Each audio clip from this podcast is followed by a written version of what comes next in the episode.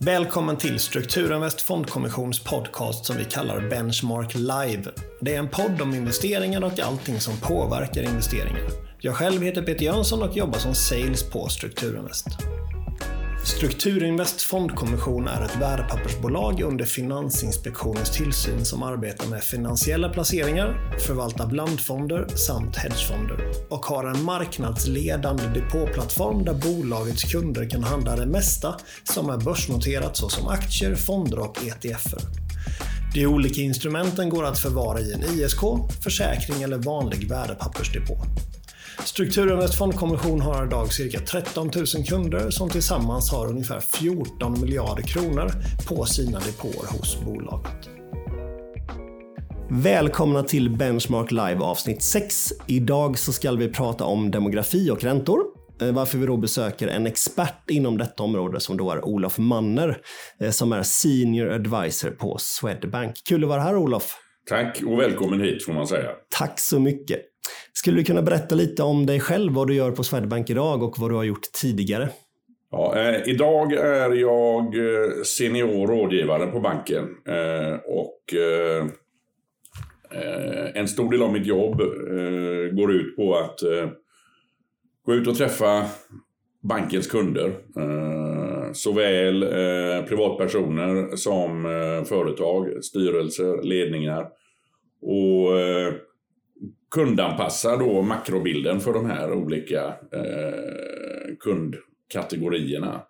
Det vill säga när man förklarar eh, vad som sker i eh, den svenska och den globala ekonomin för en eh, 70-årig privatkund så låter det lite annorlunda än när man eh, står framför ledningsgruppen i ett börsnoterat företag.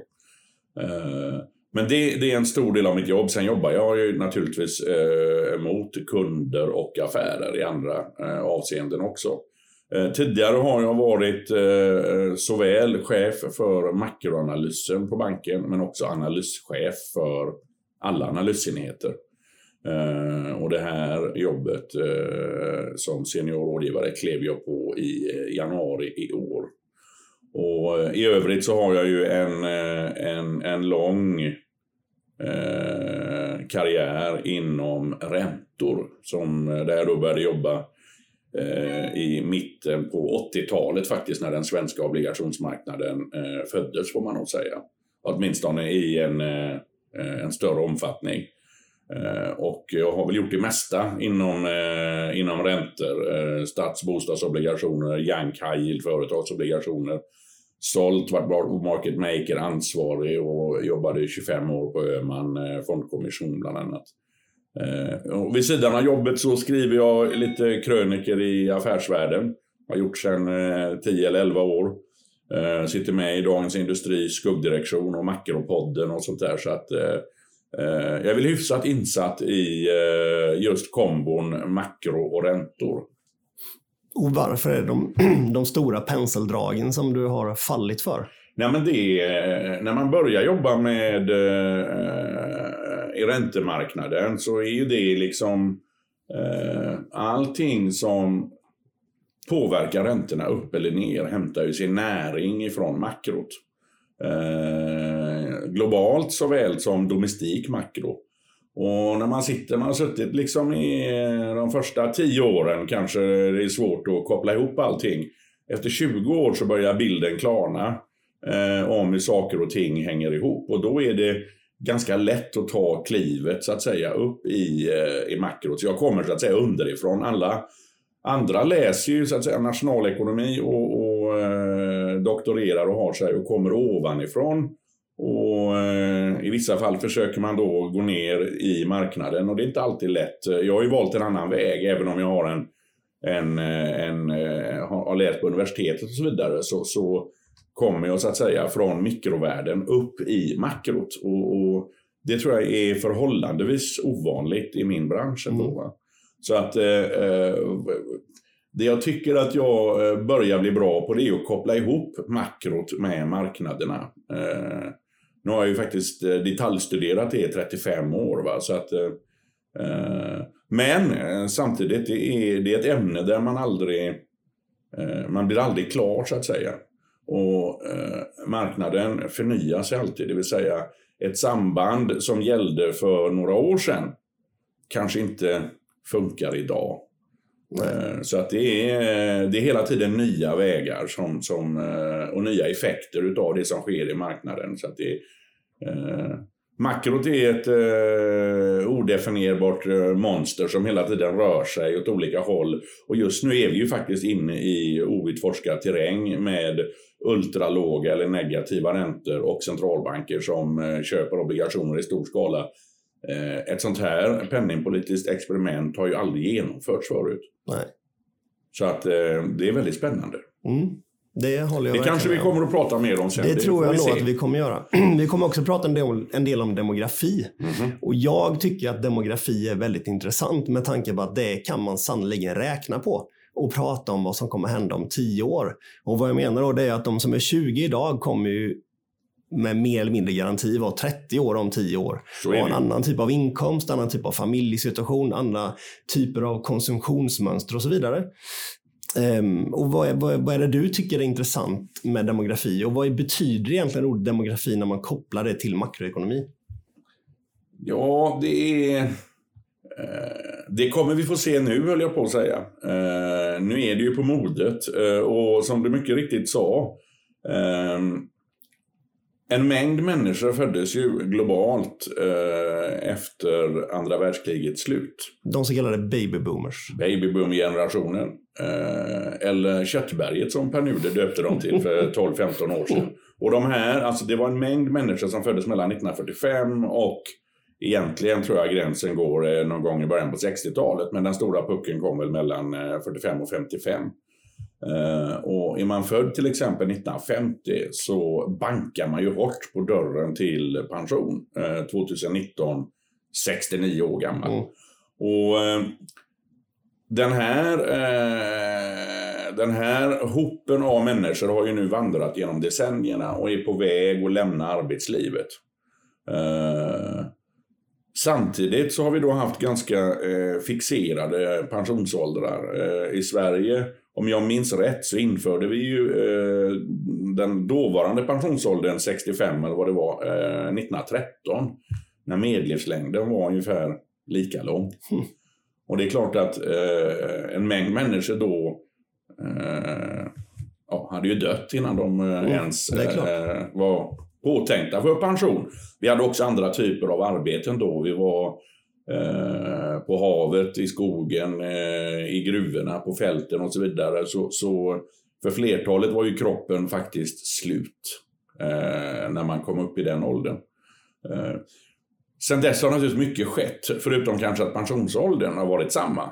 Men medellivslängden idag ligger ju på 82,5 år. Eh, 84 för eh, kvinnor och drygt 80 för män. Och man räknar ju med att den kommer att stiga. Eh, eh, någonstans har jag läst att de som föds runt år 2050 eh, de räknar man man kommer ha en, en medellivslängd på 103. Eh, och när man då så att säga eh, eh, lämnar pensionen men ändå har, eh, eller vad säger lämnar den arbetsföra åldern men kanske har 20 år kvar att leva, då blir det ju stora samhällsekonomiska konsekvenser. Eh, man är inte produktiv och, och eh, i, i samma omfattning eh, utanför arbetsmarknaden. Eh, men belastar då i större utsträckning stat och kommun och andra. Och det här gör ju att för de som är kvar i arbete, eh, och de blir ju då färre, allt annat lika, eh, i de flesta länder.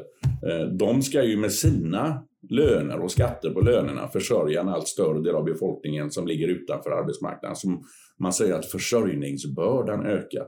Eh, och det gör den nu eh, globalt skulle jag vilja säga. Utom i eh, vissa länder runt ekvatorn i Afrika där eh, födseltalen är höga och medellivslängden eh, Nej. naturligtvis ökar. Men medelåldern är, är väldigt låg. Mm. Där har man väldigt mycket unga människor. Där är det å andra sidan ont om jobb och så vidare. Vilket gör att den förväntade migrationen från syd till norr eh, kommer ju öka ordentligt enligt UNCHR som då är FNs flyktingorgan. Eh, Och just nu befinner vi oss i, i, eh, i den här stora eh, migrationen av människor som lämnar arbetslivet och går ut i, i pensionen. Och det här kommer att påverka allting. Det kommer att påverka ekonomin. Eh, det kommer vara viktigt att ha reda på hur de här människorna vill leva sina liv. Vart de reser, var de bor, var de, eh, hur de konsumerar. Eh, politiken kommer att förändras naturligtvis i och med att man har andra värderingar när man är 85 än när man är 25. Mm. Är, är det det vi ser redan nu med många kommuner som har liksom negativt underskott och så vidare? Ja, det, och det kommer nog bara att öka. Det är ju eh, den demografiska förändringen med allt äldre människor är en del. Eh, en annan del är naturligtvis eh, den stora, eh, den stora eh, inflyttningen vi hade eh, av migranter under mm. 14, 15, 16. Uh, och integrationsutmaningen och så vidare. Det ligger ju och hamnar ofta, också ofta hos kommunerna. Uh, uh, där många av de här människorna fick ju fick man, fick man då sätta där det fanns boende och det var ju ofta i kommuner där det inte fanns arbete. Det var ju så att säga skälet till att det fanns lediga boenden. mm. och många kommuner var inte beredda på det som skedde. Eh, det fanns inte skolor, det fanns inte lärare. Man hade inte en social struktur för att ta hand om allt det här. Och sen är det också så att eh, eh, när man har stannat där under sitt asylboende eller vad det nu kan vara frågan om och så småningom får ett uppehållstillstånd och så vidare, flyttar ju många därifrån. Så att det är en utmaning. Ska, vi liksom, ska man bygga upp det för en kort tid och så vidare? Så att det har nog varit extremt besvärligt för många kommuner under ganska lång tid. Och Eh, men, tittar man på kommunernas upplåning så ökar den ordentligt. Underskotten ökar så att eh, eh, kommunerna kommer nog behöva eh, pengar framöver. Ordentligt. Ja, men för demografin så borde det vara bra med invandring. Ja, men det är klart att det med tanke på att de flesta är arbetsför ålder trots allt. Och Sverige och USA än... till exempel. Eh, vi hör ju till fåtalet länder där befolkning i arbetsför ålder faktiskt kommer att öka de mm. närmsta eh, 30 åren. Eh, och det beror ju då på att dels har vi förhållandevis höga födelsetal. Eh, I Sverige har vi, ligger födelsetalen idag på 1,9 och här måste jag då stanna upp lite bara för att mm. förklara. Eh, om man räknar bort eh, migration och emigration, det vill säga folk som flyttar in och ut, så ska ju en befolkning för att vara självproducerande så ska man ju ha födelsetal på 2,1, det vill säga att varje, föda, varje kvinna under sin fertila ålder sätter 2,1 barn på marknaden. Mm. Har man sen eh, födelsetal som är lägre, ja då kan man ju så att säga eh, parera det då med, med förhållandevis stor inflyttning. Och eh, i Sverige ligger vi som sagt på 1,9. Det är förhållandevis högt. Snittet i OECD ligger på 1,7. Eh, Italien ligger på 1,4. Där ligger också Japan. Korea ligger ännu lägre. Mm. Eh, Baltikum ligger också lågt. Eh, Baltikum, eh, i, inte i alla stater men i, i några har man dessutom en ungdomsutvandring. Vilket är förekommande i hela det gamla östblocket i de länderna som, som idag. Så de blir dränerade i, åt bägge håll. Mm. Har ingen speciellt stor invandring heller. Eh, där kommer ju den här eh, demografiska eh, åldersfieringen så att säga öka mycket snabbare. Eh, och det ställer naturligtvis jättestora utmaningar och, och, även för politikerna som då försöker höja pensionsåldern. Man har försökt i Ryssland, eh, stora problem. Eh, mm. folk, man, folk Macron försöker i Frankrike. Nej, men folk har jobbat ett helt liv och haft så att säga målsnöret mm. framför 65 sig. år, ja. där är målet. Och så kommer någon och flyttar målsnöret framåt. Det är inte kul om man springer 100 meter och så helt plötsligt när man börjar närma sig finishen så flyttar folk målsnöret 20 meter bort. Va? Vad fan, jag ledde ju det här loppet och då mm. får jag liksom springa vidare. Mm. Uh, så det, det, är... Det sätter ju också press på demokratin, är klart. Ja, men det är klart att det gör. Och politikerna vet ju hur det ser ut. Men politikerna eh, ibland kan ju vara lite kortsiktiga i sina beslut. För det mm. kan ju vara viktigare så att, säga, att vinna nästa precis, val än att göra det som är rätt för 20-30 år framåt. Mm. Och där ligger också en stor del av problemet. För det är inte så att man inte har känt till babyboom-generationen. Den, de, de kände man ju till för 70 år sedan. Mm, precis. Men i många fall har man varit senfärdig på att agera på, eh, och, och, göra det som måste göras när de nu är på väg att lämna arbetslivet. Mm. Jag var i Japan i helgen och någonting jag noterade var ju att väldigt många väldigt gamla personer fortfarande kvar i arbetslivet. De är antingen parkeringsvakter eller vakter vid övergångsställen eller de kör buss eller taxi eller vad som helst. Är det, det är svårt att veta om, om vi i Europa eller Sverige kommer gå Japans väg. Det vet vi väl inte riktigt än. Men det känns ju som att det finns ju en risk för det. Att vi måste jobba klart mycket längre än vad vi tror. Det här målsnöret känns det som att det kommer flyttas fram vare sig vi vill eller inte. Så är det. Det är jag helt övertygad om. Eh, och som sagt, det beror ju då, om man följer debatten, eh, det beror ju också lite på vad man har jobbat med. Eh, även om till stor del de, de fysiska arbetena i, i Sverige har minskat över tiden. Vi har ju förlagt eh, fysisk manuell produktion, ofta svenska företag i utlandet sedan en lång tid. Men det finns ju kvar jobb som är i högsta grad fysiska och, och så vidare. Och, och, och det är klart att då kanske kroppen säger nej vid 65. Eh, I Japans fall som du tar upp, de har egentligen inget val. Eh, dels har de förhållandevis, eller jämför, jämförelsevis få kvinnor som eh, är på arbetsmarknaden. Det försöker de lösa. Det är historiskt socioekonomiska förklaringar till det. Mm. Men de är inte världsmästare på invandring heller. Vare sig flykting eller arbetskraftsinvandring. Någonting de nu i och för sig håller på att ändra på, men det är lite sent. Så att de, i första hand försöker de få kvinnor att gå in i arbetslivet. Eh, men sen måste de naturligtvis eh, engagera äldre människor. Och där tror jag vi har mycket att lära oss i Sverige. Mm. Det finns ju en åldersfixering i Sverige som är, mm. tycker jag då, som är biased. För jag börjar ju snart närma mig 60 själv. Men jag tycker den är påtaglig jämfört med många andra länder man får ju känslan av att man liksom är slut i Sverige efter, efter 40. I andra länder så har man ju eh, en annan syn på erfarenhet och så vidare. Och, eh, det kan man ju se bara på om man tittar på politiken i USA jämfört med i Sverige. Mm. Eh, och, och, eh, jag tror att vi kommer bli tvungna att engagera äldre eh, mycket mer framöver. Framförallt de som vill. Det inte, jag menar, vi, eh, Dagens, eh, vad säger man, 40 nya 50, 50 nya 60 och så vidare. Vi är friskare idag. Mm. Eh, vi lever längre. Och med den typen av arbeten vi har i Sverige idag så är det ju rimligt att, att anta att vi faktiskt kan jobba längre upp i åldrarna. Inte alla, men de som vill måste ju erbjudas möjligheten att göra det. Mm. Eh, det tjänar ju alla på. Men vad tror du det beror på att vi i Sverige inte riktigt ser äldre som eh, erfarna utan förgångna istället? Ja du, det är en bra fråga. Jag vet faktiskt inte. Eh, jag vet faktiskt inte, men jag tror det kommer förändras. I takt med att de äldre nu blir många fler. Och de tillhör ju den generationen som faktiskt fortfarande har ett pensionssystem som går att luta sig emot. Mm. Hur det ser ut om 30 år, det är en annan fråga. Det, det kan vi ju prata om sen.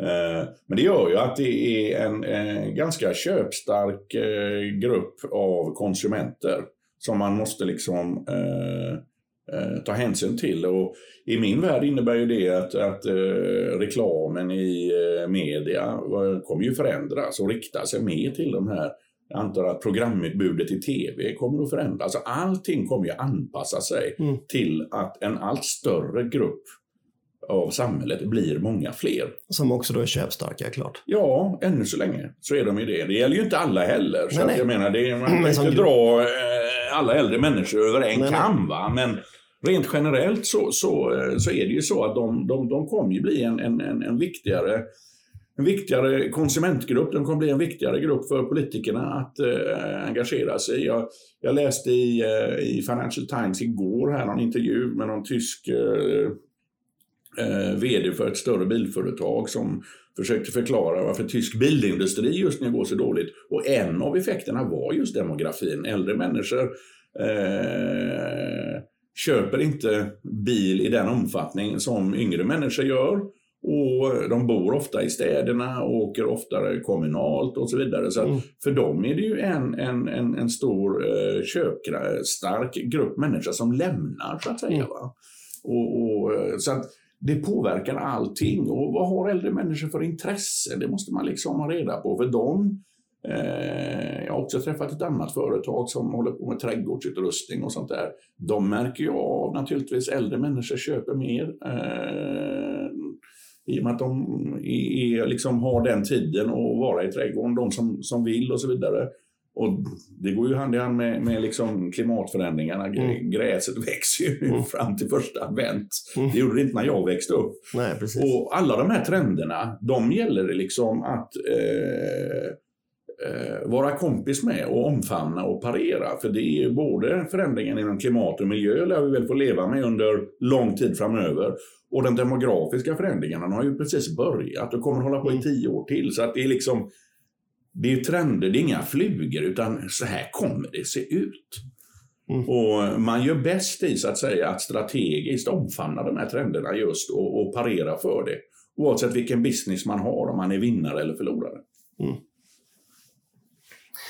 När nu de här äldre människorna går i pension så är det rimligt att de konsumerar mindre med tanke på att deras inkomst förmodligen kommer vara lägre som pensionär än som arbetsför så att säga. Vilket då borde få ner inflationen och tillväxten. Samtidigt så är det ju färre, eller färre personer kommer tävla om jobben. Ja, som finns kvar, också, vilket förmodligen kommer driva upp inflationen, ja, tänker jag. Bägge de här resonemangen eh, lever ju, eh, så att säga. Då, då, eh, då skulle du kunna säga att varuinflationen Eh, Vad sa du? Varuinflation? Varu, alltså eh, priset, ja, priset på varor och tjänster. Eh, skulle då kunna gå ner beroende på en mindre efterfrågan. Å andra sidan skulle ju då löneinflationen mm. gå upp i och med att utbudet av arbetskraft blir mindre. Mm. Men det är väldigt komplicerat. Till det ska du naturligtvis lägga eh, automatisering, robot, mm. eh, robotifiering som då kanske ersätter många av de här jobben. Och eh, Eh, även om, om, om man konsumerar eh, mindre varor och så vidare så kanske tjänstekonsumtionen ökar för de här äldre mm. människorna då som ska tas om hand. Eh, och, och eh, det är extremt komplicerat. Jag, jag har inte svaret på det, men att det kommer påverka och förändras, det är ju helt klart. Eh, och det ska bli spännande att se hur det är. Sen finns det ju andra förklaringar till att inflationen så att säga är låg som jag tror är större. Kinas inträde eh, på den globala marknaden, ökad frihandel, åtminstone till Trump börjar sätta mm. käppar i hjulet. Mm. Eh, en, en, globalisering, bättre logistik, en digitalisering som har medfört en global pristransparens och så vidare. Det är väl egentligen de stora förklaringarna. Men den demografiska förändringen kommer ju ge ändrade konsumtionsbeteenden. Det är helt klart. Om det nu är så mycket som påverkar inflationen som inte Riksbanken har makt över, är det då rätt av Riksbanken att ha ett inflationsmål? Ja, nu är du inne på ett annat eh, väldigt hett område. Eh, vi har ju precis fått eh, enmansutredare eh, Mats Dilléns eh, utlåtande om, om eh, eh, centralbankens eh, politik, en utredning. Och eh, nu ändrade man väl inte allt för mycket i den. Samtidigt är det väl så att vi har ju framgångsrikt, måste man ändå säga, haft ett prisstabilitetsmål eh, sen eh, eh, början, mitten på 90-talet. Eh, som Riksbanken de senaste åren då har valt att tolka som ett prisstabilitetsmål, KPIF, runt 2 och, och det har väl varit lyckosamt. Men går man tillbaka tidigare, eh, hundra år, så har man ju ändrat eh, paradigm hos centralbankerna. Jag menar, vi har ju haft eh, valutan knuten till både silver och guld och indirekt till mm. guld i, via Bretton Woods-systemet. Och, eh, vi har haft valutaormen och ecun och eh, valutakorgar och allt mm. vad det är. Och eh, när ekonomin förändras eh, över tiden så kanske det är rimligt att eh, även centralbankspolitiken eh, förändras. Om nu centralbanken inte kan påverka inflationen med eh, styrräntan och andra åtgärder, typ obligationsköp eller QE, quantitative mm. easing som det kallas, ja då kanske man ska ha andra mål. Eh, amerikanska centralbanken Fed har ju utöver inflationsmålet även ett arbetsmarknadsmål. Vilket då eh, har gjort det lättare för dem att under den här perioden av låg inflation med en god tillväxt och som följd av det allt lägre arbetslöshet faktiskt kunna höja räntan 8-9 gånger. och fyllt på i det penningpolitiska vapenskåpet. Mm. Och det gör att de nu då när ekonomin går in i en avmattning faktiskt har kunnat sänka räntan tre gånger. Mm. Eh, Medan eh, eh, Riksbanken och den Europeiska centralbanken ECB, ja, där är inte mycket räntor kvar. Och det gör ju att eh, i den mån man ska stimulera ekonomin så blir det ju mer avhängigt eh, att eh, det är finanspolitiken som får ta över ansvaret. Där står vi ju lite idag. Mm. Men Ingves vill ju gärna, eller Riksbanken vill gärna höja räntan i december förstår jag. Ja, och det När övriga världen sänker räntan. Är, personligen tycker jag ju det. Att man vill höja räntan till noll har jag inga problem med. Nej. Jag har själv suttit i, i skuggdirektionen och röstat för det under stora delar av både 2017 och 2018. Då låg också inflationen tidvis över målet. Eh, måhända beroende på eh, höga energipriser. Eh, men vi, också in, vi var också inne i en period med, med betydligt bättre tillväxt än idag. Då var möjligheten att höja räntan bättre tycker jag mm. än nu när vi går in i en avmattning och centralbankerna, eh, åtminstone som Riksbanken har refererat till historiskt, ECB framför allt, mm. faktiskt sänker mm. räntan så blir Riksbanken kontracyklisk och höjer. Någonting har ju hänt. Oklart vad. Eh, så det förvånar mig lite. Är, är det inte bara att man vill upp till noll? Jo, men eh, det har man ju haft bättre möjligheter i så fall att komma upp till noll förut. Det skulle ju också kunna vara så att man faktiskt har insett att eh, Eh, trots minusräntor, trots obligationsköp, trots en krona som mm. eh, i många fall får betraktas som ganska svag, mm. så har inte inflationen kommit. Och eh, Lyckas man då inte, ja då finns det ju andra nackdelar med minusräntor. Eh, du har varit inne på eh, pensionssystemet. Det bygger också upp finansiella risker i systemet mm. med mera, med mera. Så det, kan, det skulle kunna vara så att man helt enkelt har eh, insett att, att den här penningpolitiken funkar inte och det är, det är så mycket annat som är konstigt med negativa räntor så det är bättre att ta den upp till noll nu. Mm. Någonting har ju hänt. Mm. Jag kan inte förklara vad det är för jag sitter ju inte på insidan. Nej, nej. Men, men jag är förvånad över tajmingen. Eh, men har i princip inget emot att man höjer upp till, till noll. Då. Jag är, är ju, eh, när jag läste nationalekonomi då kunde man inte ens läsa i appendix. Eh, där pluggisarna låg och läste på, på kvällarna om vare sig negativa styrräntor eller negativa obligationsräntor. Nej, det är liksom, det är konstigt. Ja, men verkligen. För det bygger ju på att man får betalt för att ta risk. Ja, och det tror jag inte liksom, det är fundamentala sambandet. Jag menar, så har det ju varit i tusentals mm. år att man vill ha mer betalt för att låna ut pengar på lång mm. sikt. Precis. För risken att man inte betalar tillbaka på ett långt lån är större än om man lånar pengar från en, till en, en person från den ena dagen till den andra. Mm. Det förklarar ju. Och man är också beredd att betala mer generellt för långa pengar. Mm. Kanske inte idag, men det är ju ändå liksom det, det är ju ett, ett, eh, någon sorts fundamentalsamband som, som har funnits under väldigt många år. Och att det helt plötsligt skulle vara borta, det tror jag inte. Nej, men det har ju varit borta ett tag. Väldigt faktiskt. länge. Men det kommer säkert tillbaka det där sambandet igen. Ja, och där vill jag säga igen då att eh, jag tror ju det. Av vilken anledning vet jag inte. Men det finns samtidigt många som tror att räntorna kommer vara extremt låga under väldigt lång tid. Och så mm. kanske det blir. Men det är lätt också att, att, bli fånge i sin egen nutid. Eh, om jag går tillbaka till början på 90-talet när jag hade låst mina femåriga bolån på 9,5. Och då trodde man att räntorna skulle liksom, då trodde man att det var en tillfällig botten. Då mm. var vi vana vid att räntorna låg på eh, mellan 7 och 10 procent. Då trodde vi att de skulle göra det för evigt. Mm. Så man vet väldigt lite om vad, eh, hur ekonomier och annat ser ut fem år bort. Men jag tänker också med den stora, för de här låga räntorna har gjort att både privatpersoner, företag och även stater har ju ganska stora balansräkningar nu, alltså de har mycket lån.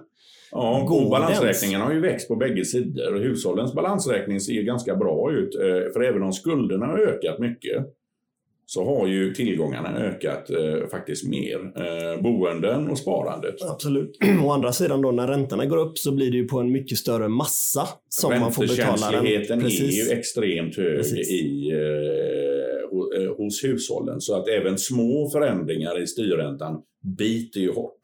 Det gör ju att räntebetalningarna ökar ganska ordentligt. Mm. Sen har vi infört eh, två, eh, två stycken amorteringskrav, ett och två. Mm. Eh, där är en, alltid, skulle jag vilja säga, en pågående diskussion om att montera ner ränteavdragen över tiden. Eh, och det är ju ingen, det är inget dåligt eh, period att göra det när räntorna är noll, så att säga. Det är väl knappt någon som märker av det.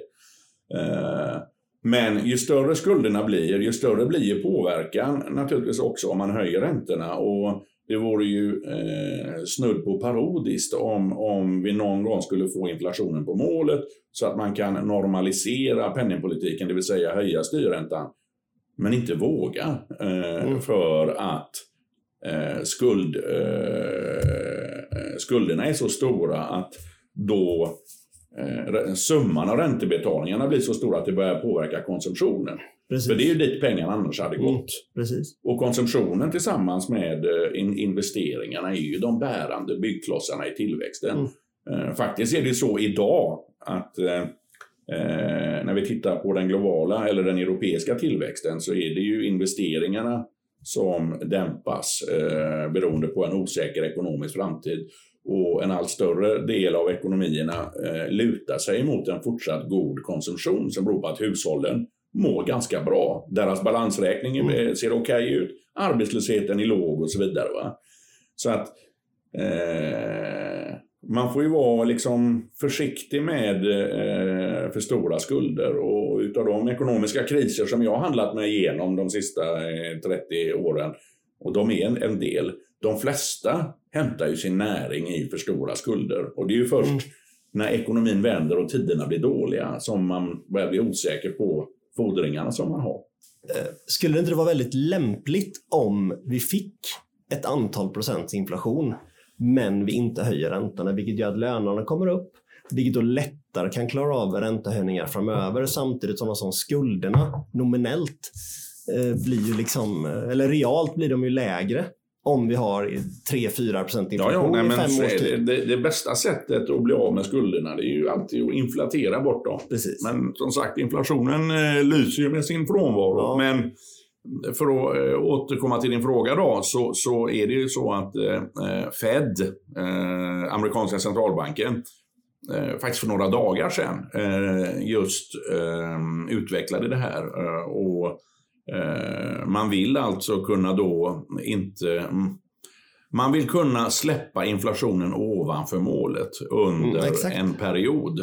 Eh, Det är ju faktiskt... eh, För att man ska, man ska kunna ha en, en, en, en snittinflation på till exempel 2% så behöver man ju då ofta ha mer, eller säger jag, värden som ligger ovanför Mm, det är klart. 2% under en period. För man får räkna med att det kanske kommer eh, perioder med värden under 2 och, och, eh, Så att 2% får ju inte vara målet, utan man kanske under perioder kan tillåta att inflationen är 3 Precis. och eh, den debatten pågår ju.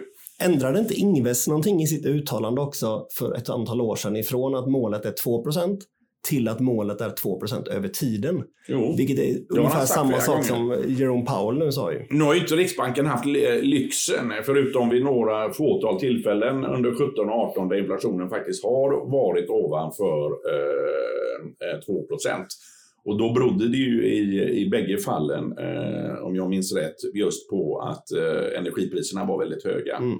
Eh, å andra sidan, eh, man vet ju aldrig vad energipriserna ska ta vägen heller. Så Nej, att, nej. eh, I det här fallet kom de ju tillbaka av andra orsaker. Och, och, eh, eh, så att, men visst, det, det är ju... Det är väl inte orimligt att tro att om inflationen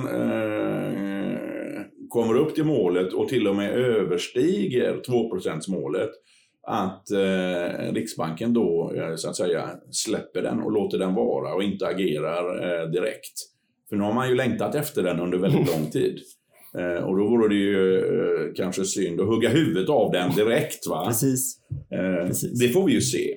Men som sagt, trenden, om man, eller inte trenden, men diskussionerna om, om att vara lite mer löst, eh, lös i kanten när man agerar, eh, när inflationen så småningom kommer tillbaka, de, de ökar ju nu här hos centralbankerna. Och som sagt, eh, eh, sen finns det ju också en väldigt stor kritik emot såväl negativa räntor som obligationsköpen från vissa håll. Där man då pekar på just riskerna som det skapar med eh, högt uppdrivna tillgångsvärden och så vidare. Och det finns en annan eh, sida av det också och, och, eh, det är ju att det har ju ökat eh, förmögenhetsskillnaderna ordentligt mm. de sista, eh, inte minst de sista tio åren. Man ska ju komma ihåg att räntorna som har gått ner under 30 år är en, en viktig förklaring till att till, tillgångspriserna eh, har gått upp. En lägre ränta driver ju upp värderingen eh, naturligtvis på obligationer men också på eh, såväl eh, aktiemarknaden som fastighetsmarknaden. Mm. Lägg till de sista tio åren av centralbankernas köp av obligationer. Eh, de aktörerna som centralbankerna köper obligationerna av får ju pengar på bordet. Eh, det vill säga pensionsförvaltare, eh, försäkringsbolag och andra. Och de reinvesterar ju de här pengarna i andra typer av finansiella tillgångar. Det kan ju vara såväl eh, bostadsobligationer som företags och high obligationer Det kan också vara aktier, det kan vara fastigheter. Mm. Och centralbankerna har ju tryckt upp tusentals miljarder dollar ut i det finansiella systemet som tillsammans med en, trend av, en 30-årig trend av fallande räntor har drivit upp tillgångsvärdena. Och det är framförallt människor som äger sitt boende eller har ett finansiellt sparande som har gynnats av det här. Eh, och det gör ju att förmögenhetsskillnaderna har ju ökat dramatiskt under framförallt de sista tio åren. Mm. Och det är väl också därför populismen har det tagit har en rätt så stor grund i till politiken idag i hela västvärlden egentligen. Ja, det är en av ingredienserna. Eh, människor som har lyssnat på politikerna att de ska få det bättre och, och, och så vidare. Och sen har de fått stå på perrongen och titta på när det här finansiella eh, tåget åkte förbi 220 knyck utan mm. att stanna hos dem. Och det är klart att eh, det har ju ökat missnöjet. Så är det. Nu har vi pratat om de problemen som finns. Men om vi ska försöka prata lite om vilka lösningar som finns. Vad liksom bör politiker göra nu för att rusta upp oss för den framtid som kommer? Oj. Ja, hade jag hade haft ett jättebra svar på den frågan så hade jag väl eh, antagligen haft ett annat jobb. eh, nej men vi har ju varit inne på, på en, eh, ett problem och det är ju kanske att de det kan vara svårt för politiker generellt att eh, genomdriva förändringar som kanske får eh, bär frukt först 10 eller 15 år framåt. Det kan också vara svårt för politiker att eh, få sina väljare att acceptera att eh, eh man investerar eller eh, gör eh, förändringar som, som då syftar till att kratta i manegen för, för händelser som, eller eh, skeenden som, som sker om 15 år. Eh, de flesta väljare vill ju liksom ha det bra nu mm. och så fort som möjligt. Eh, och, och, där tror jag mycket av problemet ligger. Som vi inledningsvis började med, man har ju vetat om den här babyboom-generationens eh, vandring genom decennierna under väldigt lång tid. Men det har varit svårt liksom att parera för det. Jag tror mm, politiker generellt har ju mer kortsiktiga mål. Mm. Eh, I alla fall i demokratier. Ja, där vi det är väl en av demokratins svagheter Precis. i så fall. Eh, någon har ju hävdat att en god diktator mm. eh, är ju alltid att föredra. Mm. Historien är ju, kommer ju till korta på sådana exempel. Jag vet ingen sen Salomo i Bibeln. Men men då, och det är ju precis som med långsiktiga eh, starka ägare, familjeföretag har ju också en förmåga, då, mm. en, en, många gånger en bättre förmåga att planera mm. liksom långt fram i tiden för nästa generation och så vidare. Eh, Medan eh, ja, kvartalsekonomin ställer då till det för andra aktiekurser och annat mm. sånt här. Va? Så att eh, det tror jag faktiskt är en stor förklaring. Eh, Sen tror jag att det kan bero på också att, att just demografin har inte varit eh, medialt på eh, tapeten. Man har inte skrivit och pratat speciellt mycket om det här de sista 10-15 åren. De insatta har naturligtvis vetat om att det kommer, men media har inte hakat på. Media hakar ju på nu när man ser effekterna. Mm. Och, och jag tror, trots att det här eh, borde vara någonting som eh, man skulle ha känt till under väldigt lång tid, så tror jag ändå många är oförberedda nu när det faktiskt sker. Och det märks ju när man pratar om de här sakerna. Folk spetsar ju öronen och för många är det fortfarande en aha-upplevelse. Mm. Mm. Verkligen. Men jag menar, vi ser ju nu hur, hur liksom eh, eh fastighetsbolagen börjar ju ställa om för äldreboenden och allt såna här saker. Så jag menar, det händer ju en massa grejer. Eh, det är en debatt om socialförsäkringssystemen, om pensionssystemen. Eh, man inser ju att vi behöver fler. Eh, vi behöver ju öka resurserna inom sjukvården, bla bla bla.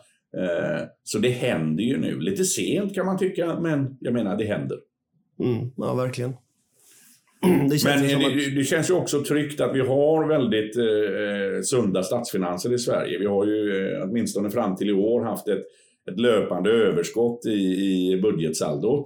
Eh, det vill säga vi har fått eh, in mer skatter än vad vi har betalat ut i, i, eh, i bidrag och kostnader.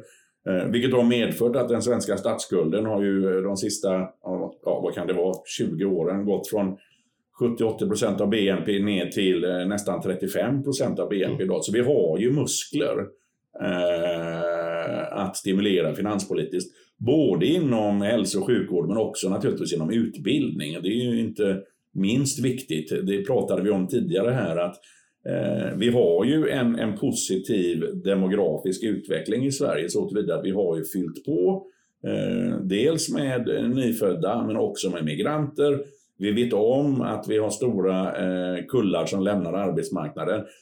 Men vi har också gott om pengar, så vi har ju alla bitarna på plats. Mm. Vad vi däremot inte har gjort än är att få till, alltså investera tillräckligt mycket i eh, dels enklare form av boenden. För ska man få ett CV som eftersträvas av svenska arbetsgivare så börjar ju det med att man har någonstans att bo. Mm. Och de här enklare boendena, ettor, tvåor, hyresrätter, de finns ju inte i, eh, i den omfattning som, som de eftersträvas.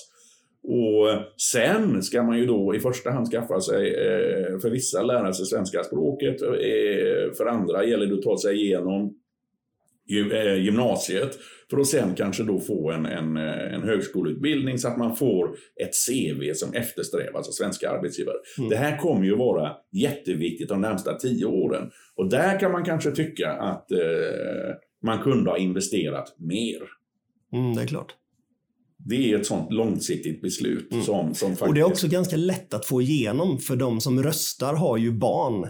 Och investerar man mycket ja, pengar i skolan jo. så ser ju de som har rösträtten att det här är någonting bra att satsa på. Så det är nog ganska Absolut. enkelt att Nej, men jag, göra jag, den. jag håller med om det. Sen har väl politiken inte varit eh, lätt här med december Nej. och januari överenskommelser och allt vad det heter. Va? Det, det, ju, eh, det har inte varit någon någon stark majoritet. Alltså det, det är... Ju svagare en regering är, eh, ju svårare är det ju att, och liksom naturligtvis att få till stånd eh, de här stora eh, mm. förändringarna. Eh, så att, eh, men, men eh, personligen så, så tycker jag väl att man borde ha satsat då framförallt mer på utbildning och att man fortfarande bör göra det. För mm. Får man in de här människorna på arbetsmarknaden så är det en himmelsvid skillnad mm. än om man eh, så att säga fäller ner bommen mm. och, och eh, de står i ett utanförskap under mm. lång tid. Det har vi inte råd med. Nej. Vare sig arbetsmarknadsmässigt eller ekonomiskt. Nej, precis. Så att, eh, men det kanske kommer. Och som sagt, vi har ju resurser. Eh, nu ska jag säga att beroende på just de demografiska förändringarna och så vidare så är det ju jävla tur att vi har en så, så pass starka statsfinanser för de kommer ju att eroderas. Men vi har ju också möjligheten att låna pengar. Och det är inte jättedyrt Nej. för Riksgälden eller staten att låna pengar eh, idag. Tioåriga pengar kostar ju noll. Mm. Det är ju väldigt bra. Det är därför Trump vill att Powell ska sänka räntan så att eh, de också får negativ ränta. De har ju lite sämre statsskuld dock. Ja, det är inte så lite de har, sämre. Nej, de har väl 105 procent av BNP ungefär va? Och kraftigt stigande Precis. och löpande underskott i mm. statsfinanserna. Med tusen miljarder dollar ungefär per år de går back. Ja, det är inga bra siffror. Nu har ju Trump lyxen av att ha den globala reservvalutan. Absolut. Han kan unna sig en del excesser. Precis. Eh, men som man Men sen är säga, frågan, hur länge kommer den vara? Ja, Alltså de har den i typ Som 85, uttrycket är, det 90 är år. först när ebben kommer som man ser den som har badbyxor på sig och inte. Nej men precis. Och när man väl når the tipping point, Mm. då är det jävligt svårt att, att, eh, att ändra på det. Det har vi ju sett, eh, eh, det såg vi i Greklands fall. Grekland hade ju bara, eh, eller bara, och bara ska jag inte säga, men de hade ju en statsskuld i förhållande till BNP som låg på 130 procent. Mm. När marknaden bestämde sig för att de inte ville äga grekiska statsobligationer. Eh, sen finns det ju länder som har mycket större statsskuld än så. Du pratar om Japan, de Mm. ligger väl uppe på 260 procent. Eh, Samma Italien ligger ju högt i Europa. Men de äger i många avseenden sin egen skuld. I Greklands fall var det utlänningar eh, som höll eh, obligationerna och därför sålde av dem. Mm. Det sitter inte eh, jättemånga utlänningar med japanska statsobligationer eller med italienska för den delen, utan de äger dem själva via sina pensionsföreningar och så vidare. Så att, men det har, eh, under stundom så här under hösten så har ju eh, italienska statsobligationer eh, darrat till Mm. när de har äskat, eh, när de har krävt så att säga att kunna när, när de har krävt hos EU att, att, att driva ekonomin vidare med ständiga underskott. Det har ju inte marknaden gillat. Så att vid någon tidpunkt så kommer man till the tipping point och när marknaden då har bestämt sig för alltså, då är det svårt att ändra på det. Om USA hamnar där så småningom eller ej, det vet jag inte. Men chansen ökar ju, eller risken om man så vill. Eh, Ju, min, ju, ju längre ju större skulden blir. Precis. Och att, ju, eh, ju mer de inte bryr sig om problemen. Ja, nej men det, det är alltså en farlig väg att vandra på. Och, eh, en annat sätt att se på det, det är ju då att när man då går in i eh, perioder av lägre ekonomisk tillväxt som vi då, eh, nu är på väg in i eller befinner oss i, i med denna avmattningen vi befinner oss i.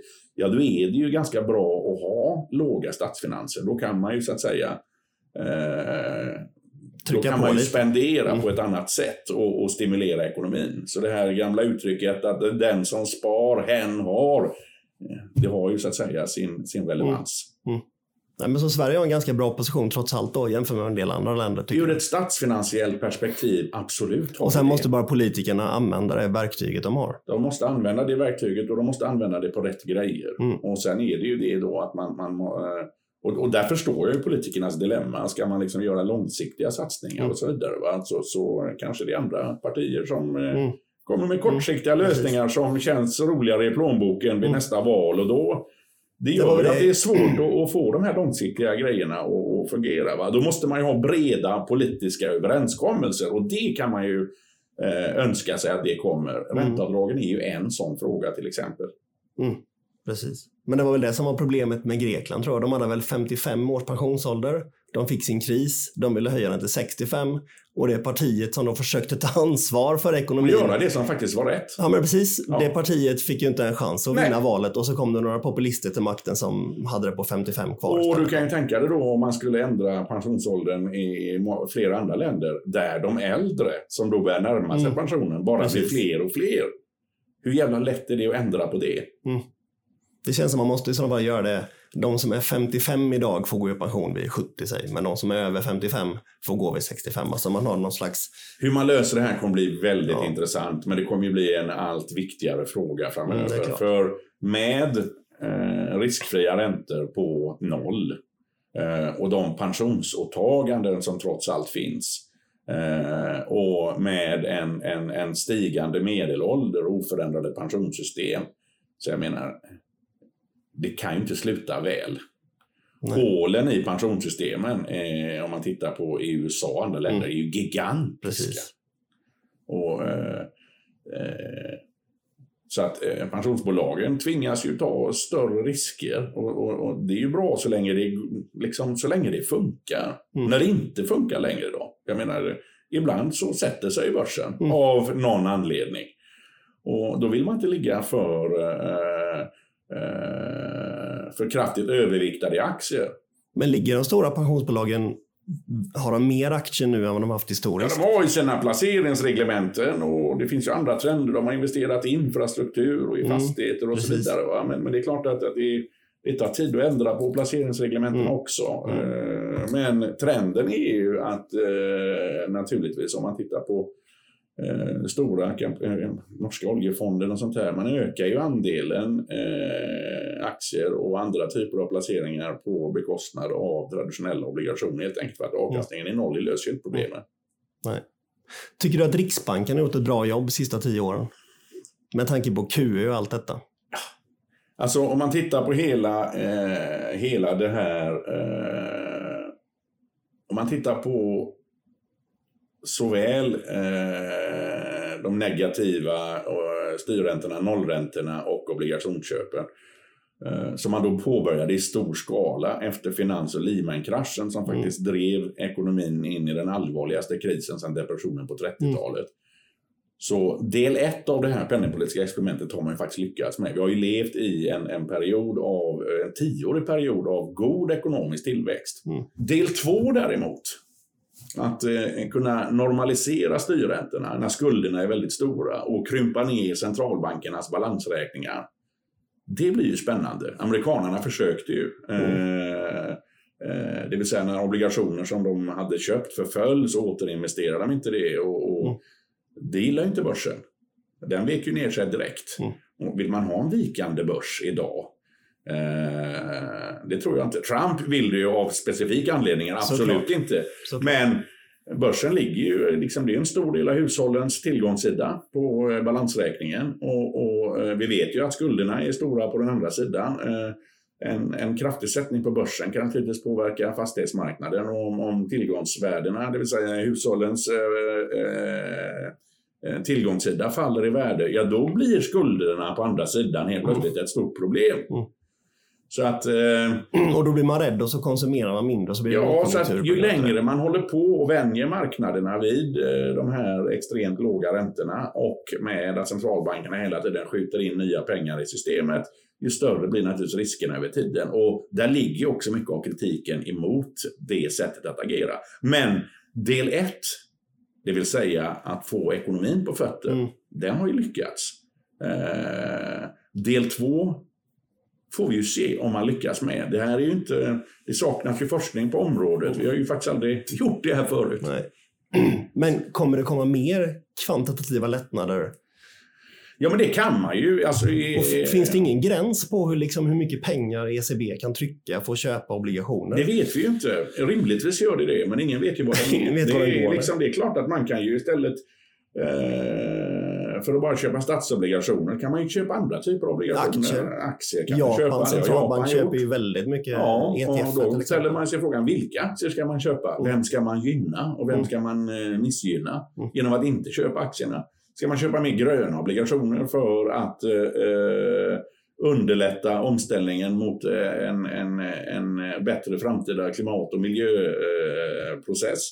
Eh, de frågorna är jättestora. Eh, jag tror inte man kan liksom man kan inte trycka upp hur mycket pengar som helst och köpa finansiella tillgångar för då får du ju så att säga en, en, eh, då får du en inflation i... Alltså du blåser ju upp finansiella tillgångspriser.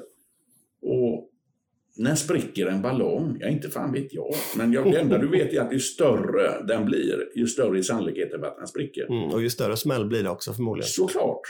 Så att det är liksom... Eh, frågan får ju bli obesvarad, men ju längre man håller på, ju mer ökar naturligtvis riskerna. Mm. Men då vill jag i samma andetag säga att den debatten är stark och pågående och man ser ju tendenser faktiskt. Eh, eh Riksbanken höjer faktiskt räntan nu i ett läge mm. där ja, eh, konjunkturen snarare liksom eh, mm. pekar på hands-off. Mm.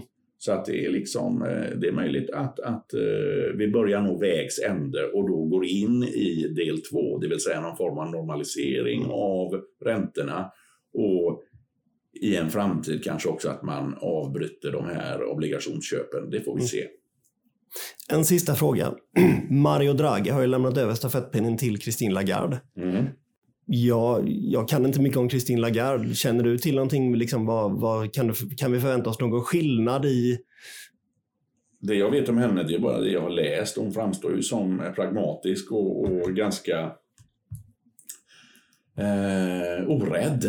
Eh, och det är klart att eh, eh hon är kvinna, hon är från Frankrike. Eh, och någon skillnad blir det ju. Eh, den saken är klar. Jag tycker redan att hon eh, har ett högre tonläge än vad, vad eh, Mario Draghi hade. Mm. just nu är hon ju på hon, hon stöter ju armbågen hårt i sidan på Tyskland att de ska öka sin finanspolitiska stimulans. Mm. Så att, ja, ja hon, verkar ju, hon verkar ju jättebra.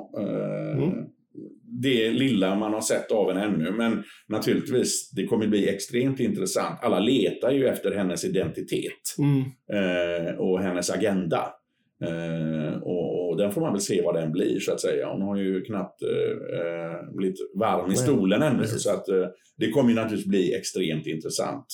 Eh, speciellt i, i den debatten som är nu mellan nordeuropeiska länder och sydeuropeiska länder om just hur man ska agera med eh, negativa räntor och, och eh, obligationsköp och så vidare. och så vidare. Så att, eh, mycket spännande kommer det bli. Härligt. Då tackar jag för en eh, trevlig timme tillsammans med dig. Väldigt trevligt var det. Och eh, så får du ha en fortsatt trevlig dag. Och du också. Tack, Tack så mycket. Hej. Hej. Det du hört i denna podcast ska inte ses som rådgivning rörande finansiella placeringar eller investeringar, bokförings-, skatte eller juridiska frågor. Du ska inte basera dina investeringsbeslut på det som framkommit i podcasten. Kontakta alltid din rådgivare för att bedöma om en placering eller investering är lämplig för dig.